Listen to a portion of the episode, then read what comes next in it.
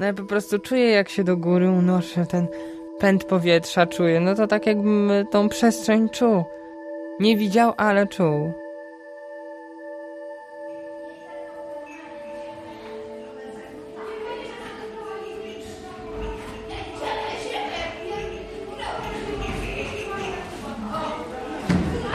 Zamykam, zamykam, zamykam już, czekaj, moment. I teraz techniką diagonalną do sali 22.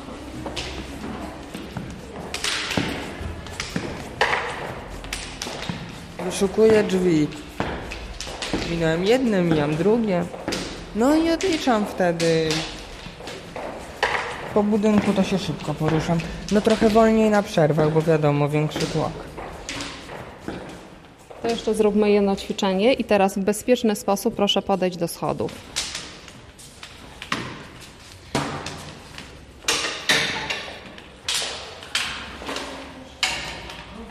Jestem. Spróbuj teraz ustawić się dobrze do schodów i zejść.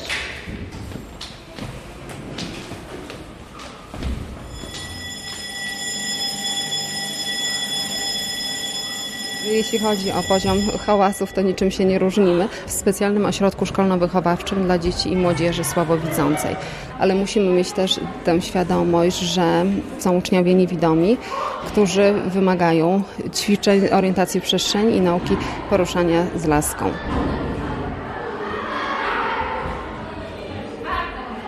Chodzenie po schodach jest to jedna z najtrudniejszych technik.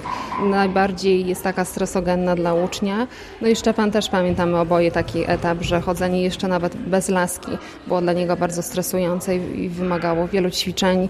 Jeszcze bywa zalękniony czasami na zewnątrz, ale też nad tym pracujemy. No właśnie tego się boję, jak... Ale no muszę schodzić, no bo innego wyjścia nie ma. Ale no boję się trochę i najwyżej, na przykład jak schodzę na przerwie, to trzymam się dwiema rękami, że jak ktoś na mnie wpadnie, to na bok mi wpadnie. Nie wpadnie na twarz, czy mnie popchnie. Szczepan, to teraz jeszcze poproszę z tego miejsca, w którym stoisz, techniką dotykową, przejdź na wprost korytarzem i powiesz nam, w którym miejscu korytarz się zwęzi.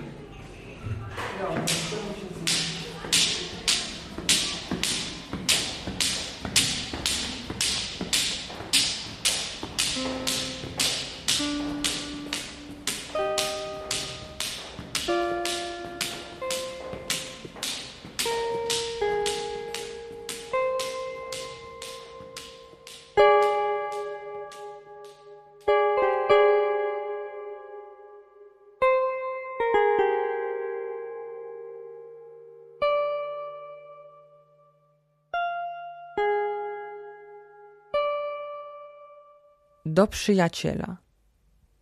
Mówisz, że razem nam nie po drodze, że nie nadążę za tobą, że będę zostawał w tyle. Możesz przecież poczekać, zatrzymać się na chwilę. Gdzie tak pędzisz, że nie możesz obejrzeć się na mnie do tyłu? A może nie chcesz? Wstydzisz się, że jestem zbyt koślawy, nieporadny?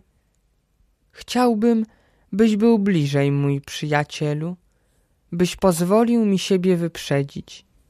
Z tyłu czasem lepiej wszystko widać, a ci ostatni mają być przecież pierwszymi. Może trochę wolniej nie znaczyłoby gorzej. Proszę, zastanów się, mój przyjacielu.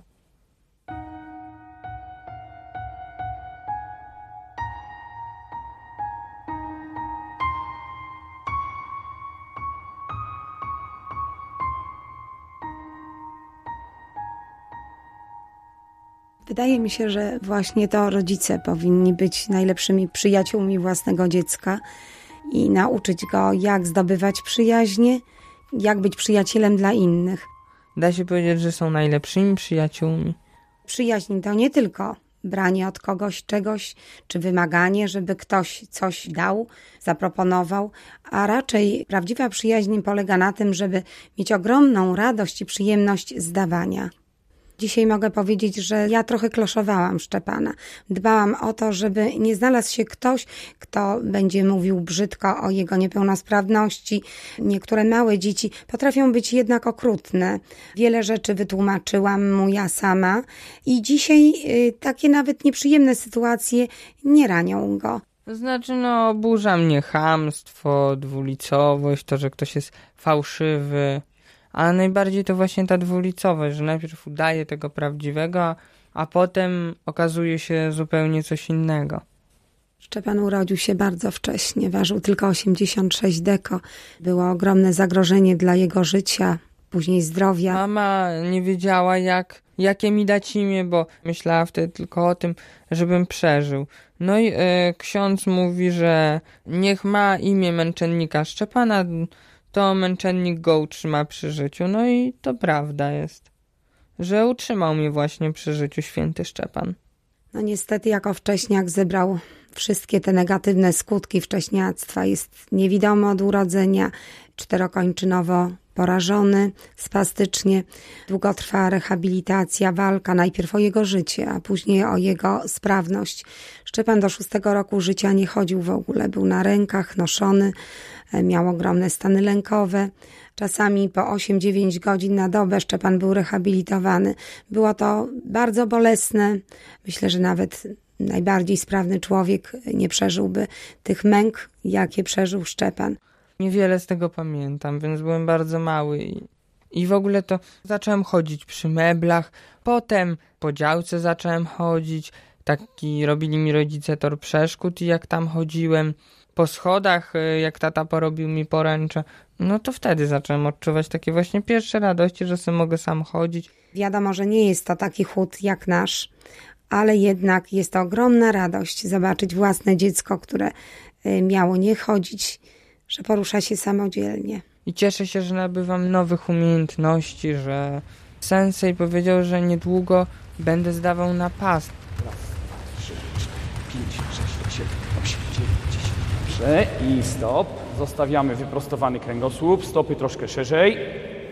Lewa rączka do przodu, cios prosty ćwiczymy, tak? Lewa rączka. I uwaga, powoli staramy się prowadzić rękę wydechem. Raz. Szczepan troszeczkę wysuń nogę do przodu. Drugą, drugą, drugą. Na jednej linii postaw nogi. O właśnie. I troszkę szerzej. Szczepan szerzej, stopy szerzej. I mocniej przyklej pięść do biodra. I proste plecy. Głowa ma być prosta. I teraz troszkę szybciej, ostrzejszy wydech, tak? Idź. Ni. San. Si. Go. Dobrze. I teraz będziemy uderzać w tarczę. Bardzo ładnie. Spotkanie z grupą osób niewidomych to było olbrzymie doświadczenie i wyzwanie. One odkryły i uwolniły w sobie ten potencjał, o którym być może nawet nie wiedziały, bo zdecydowanie poprawiły swoją sprawność. Również Szczepan, który czuje się pewniej ruchowo. Sam trening karate wzmacnia mocno psychikę i osobowość. On uczy utrzymania stabilnych emocji, uczy rozwijania wyobraźni i koncentracji. I myślę, że to w konsekwencji prowadzi do tego, że każdy ćwiczący uzyskuje taki stan ducha walki, czyli pewności siebie i to również wydaje mi się, że po tych e, kilku miesiącach czy kilkunastu już chyba e, wspólnych zajęć widać również u tych osób, które są niewidzące, a u nich z natury rzeczy trudno jak gdyby o tą pewność, bo pewność przede wszystkim opiera się na kontakcie wzrokowym. Dla mnie e, takim wyznacznikiem, miarą tego, co dał trening karate tej grupie, był taki epizod, który zdarzył się na obozie zimowym w ubiegłym roku, gdzie jedna z dziewczynek e, niewidzących była uczestnikiem tego obozu. Jedna z matek, która też była uczestnikiem ze swoim synem, bo również my prowadzimy w ten sposób zajęcia, że rodzice są zaangażowani bardzo mocno. Po kilku dniach zwróciła mi uwagę, że z tą dziewczynką chyba jest coś nie tak. Przez cztery dni nie zauważyła, że ona jest niewidoma. Szczepan, mocno. Staramy się każdą technikę wykonać z kiaj. Pamiętacie, co to było kiaj? Krzyknięcie. No. Nie krzyknięcie. Ostry wydech, który powoduje dźwięk, czyli eksplozja wydechu, tak? I celujemy w tarczę z kiaj, Szczepan. Idź! Ni! Ostrzej, Szczepan, to ma być eksplozja. San! Technika Kar Karolcia to nie ma być krzyczenie, eksplozja. Ostrzej, tak? Si! Go! Bardzo dobrze. I rozciągamy znowu ciało. Delikatnie w miejscu, rozmasować mięśnie. Zaraz przyjdę do nich, tylko zmienię sprzęt, dobrze? Szczepan od początku staramy się go wychowywać w takim duchu, że to wszystko, co y, może zrobić, co jest możliwe dla niego, staramy mu się y, ułatwić. I czasami ludzie patrzą na nas jak na chorych, dlatego że Szczepan potrafi usiąść za kierownicę samochodu i w miejscach bezpiecznych prowadzić samochód, potrafi jeździć na nartach w naszej obecności, przy naszej asekuracji. Także nie pozbawiamy Szczepana normalności życia, żeby tego wszystkiego spróbował tak, właśnie byłem w Kazimierzu z rodzicami podczas wakacji, tam parę dni byłem. Max ma właśnie knajpę i tak właśnie poznaliśmy się. Nasza przyjaźń się tak e, zawiązała i wiele rzeczy mi właśnie pokazał, dużo mi w życiu pomógł. Bo Max e, ma przyjaciela, który e, lata na paramotolotni. No i Max mówi, żebym przyszedł, bo no może mi się uda polatać, ale nie, nie był pewny. No i dobrze. Więc poszliśmy tam, w Kazimierzu jest takie boisko nad Wisłą, poszliśmy tam i, i Max też e, miał pofruwać na tej paramotolotni, ale nie mógł wystartować, bo był za ciężki, bo miał problemy ze śmigłem. E, akurat ja ważyłem tyle, że się mogłem unieść i, i dało radę pofrunąć. Wydawało się tak na początku szybko, ale to nie było tak. Było po prostu bardzo fajnie, ja byłem przypięty, nie bałem się, że wpadnę i ten pan, który pilotował tą paramotolotnię, to był bardzo odpowiedzialnym człowiekiem, potrafił dużo sytuacji przewidzieć. Trochę opowiadał mi, co, co tam widać na dole. No ja po prostu czuję, jak się do góry unoszę, ten pęd powietrza czuję. No to tak jakbym tą przestrzeń czuł. Nie widział, ale czuł. No wiadomo, jak to się leci, taki pęd powietrza bardzo duży. Nad plażą, nad rzeką, potem nad kamieniołomami, tymi, co są w Kazimierzu. I nad y, promenadą, po której spacerowali wystraszeni ludzie i nawet schylali się, bo bardzo nisko schodzili czasami nad głowy ludzi. Ja oczywiście jako mama to spanikowana i sparaliżowana byłam strachem. Na szczęście wszystko zakończyło się ogromnym powodzeniem.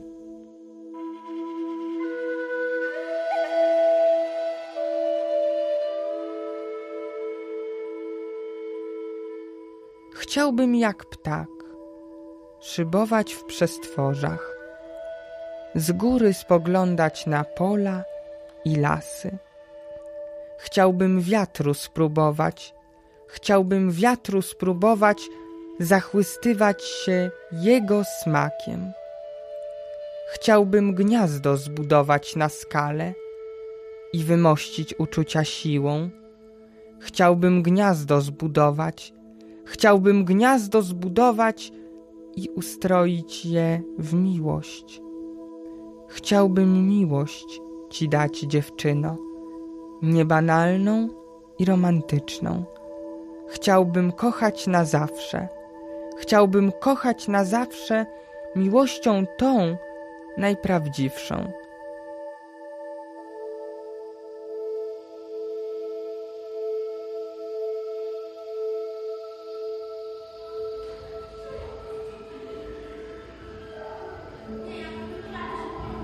No, nasi uczniowie, spory odsetek, szczególnie licealistów, to są no, ludzie sukcesu, dlatego że oni studiują na KULU, studiują na UMCS-ie.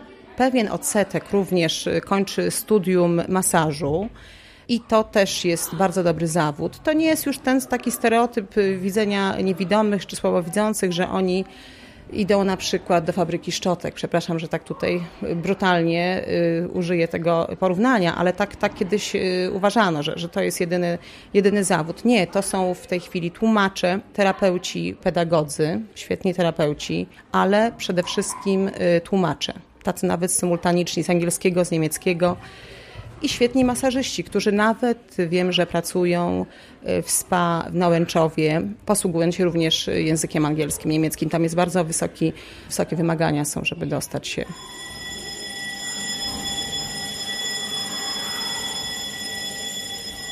Tak, właśnie chciałbym zdać maturę i e, dostać się na KUL, na anglistykę i na teologię.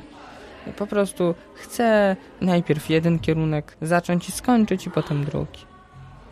Takie artystyczne zdolności Szczepana, to na pewno jest to sztuka słowa. To nie tylko jego recytacja, w tym ma takie niewątpliwe sukcesy, ale również jest to taki chłopak twórczy, jeśli chodzi o, o pisanie. W tamtym roku y, zdobył nagrodę w wojewódzkim konkursie literackim, napisał y, bardzo fajne kolendy.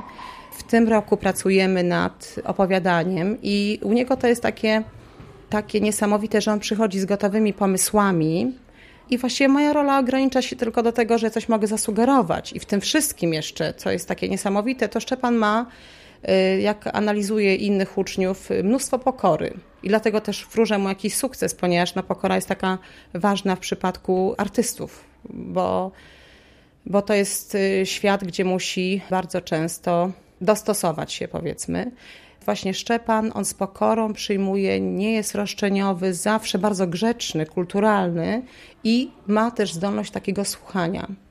Przetwarza y, to, co słyszy, myślę, na język również oczu. Jego oczy są syte, tylko innych pewnie obrazów, których, których my nie jesteśmy w stanie dostrzec. I podobnie, kiedy idziemy do teatru, to to Szczepan mówi tak, oczywiście, bardzo chętnie. Jak gdyby te obawy, na przykład bileterek, że jak to niewidomy idzie do teatru, to szybko są rozwiane, ponieważ on słuchając też ma przed swoimi oczami jakąś własną wizję.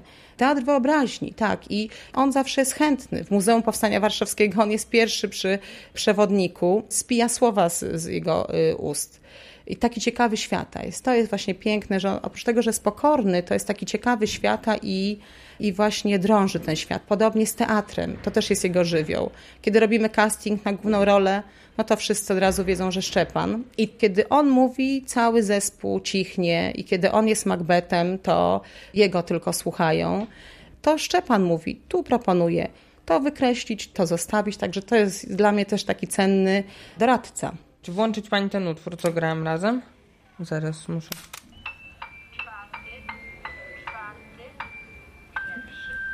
Nagrałem właśnie jeden utwór, jak gram na lekcji muzyki.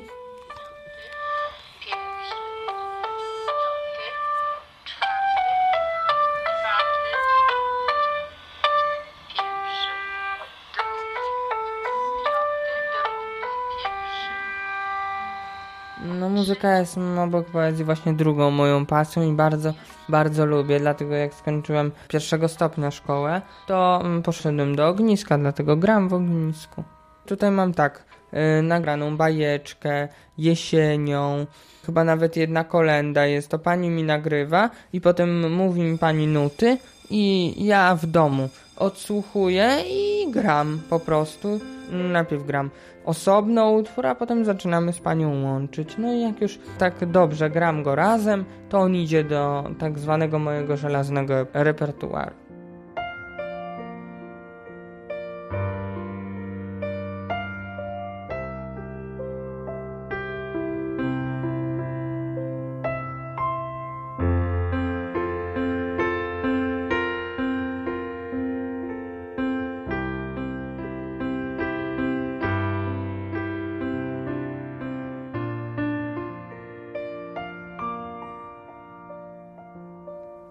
Szczęście.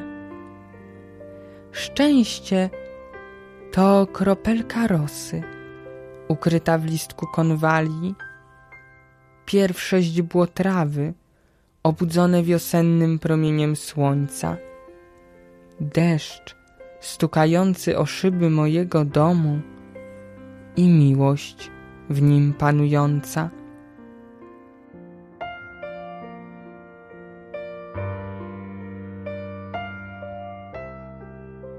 Pan Ernest Bryl napisał kilka słów. Był to długi list do Szczepana, ale zawierał bardzo wiele wskazówek literackich.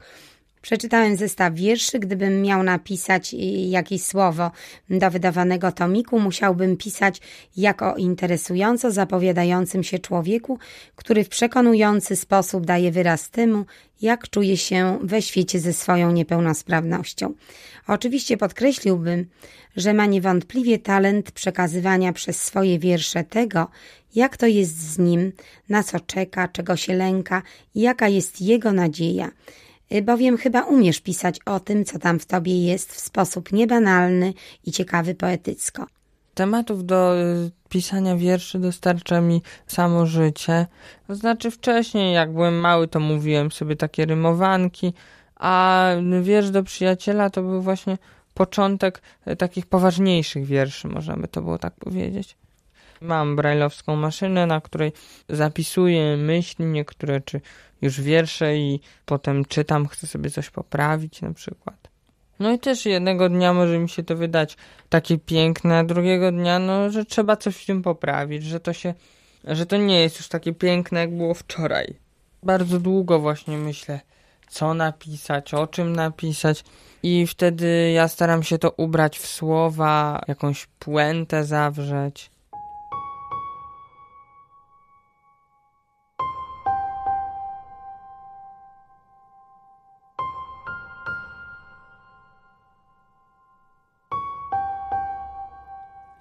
Czarnym woalem okryte są Tatry.